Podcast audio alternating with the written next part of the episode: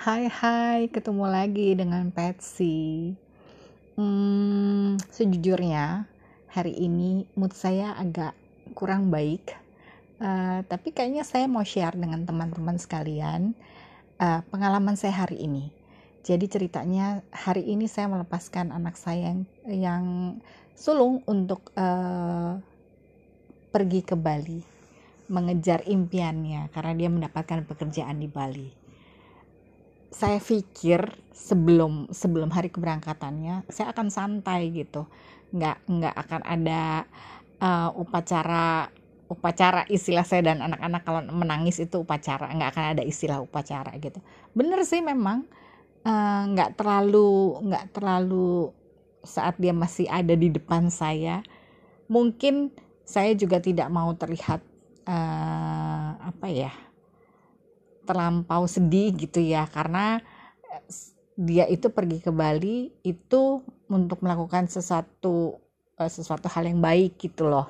Bukan bukan untuk liburan atau apalah gitu.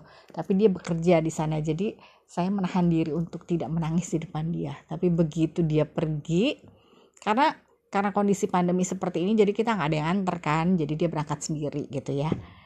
Uh, saya anterin dia masuk ke uh, taksi online-nya gitu. Terus hati-hati ya gitu. Pesan-pesan biasalah pesan-pesan seorang ibu. Hati-hati ya pokoknya kamu di sana masih jaga diri bla bla bla bla. Terus dia juga sambil peluk saya sambil ngomong iya mama pokoknya mama sehat-sehat ya mama tengok-tengok aku ya gitu. Udah dia berangkat. Dia berangkat saya langsung masuk kamar. Saya berdoa saya minta Tuhan untuk menjaga anak saya dalam perjalanan supaya di dijaga dalam perjalanan dia dari Jakarta ke Bali eh, sampai Bali dengan selamat gitu. Itu saya nangisnya minta ampun gitu. Nangis banget, nangis minta ampun sampai anak saya yang bungsu uh, saya tahu da dalam doa saya saya tahu dia masuk kamar terus dia nunggu saya uh, selesai doa. Begitu saya amin, dia langsung peluk saya dia cuma nanya, "Mama kenapa?" gitu ya itu akhirnya saya bilang tidak semudah itu ternyata melepas anak walaupun usianya sudah dewasa gitu. Sudah bisa survive uh, untuk kehidupan apa pun gitu. Dia bisa menghadapinya gitu. Uh, ya nggak nggak mudah ternyata sangat sangat tidak mudah gitu. Dan uh, buat saya itu apa ya melepaskan kepergian anak keluar kota itu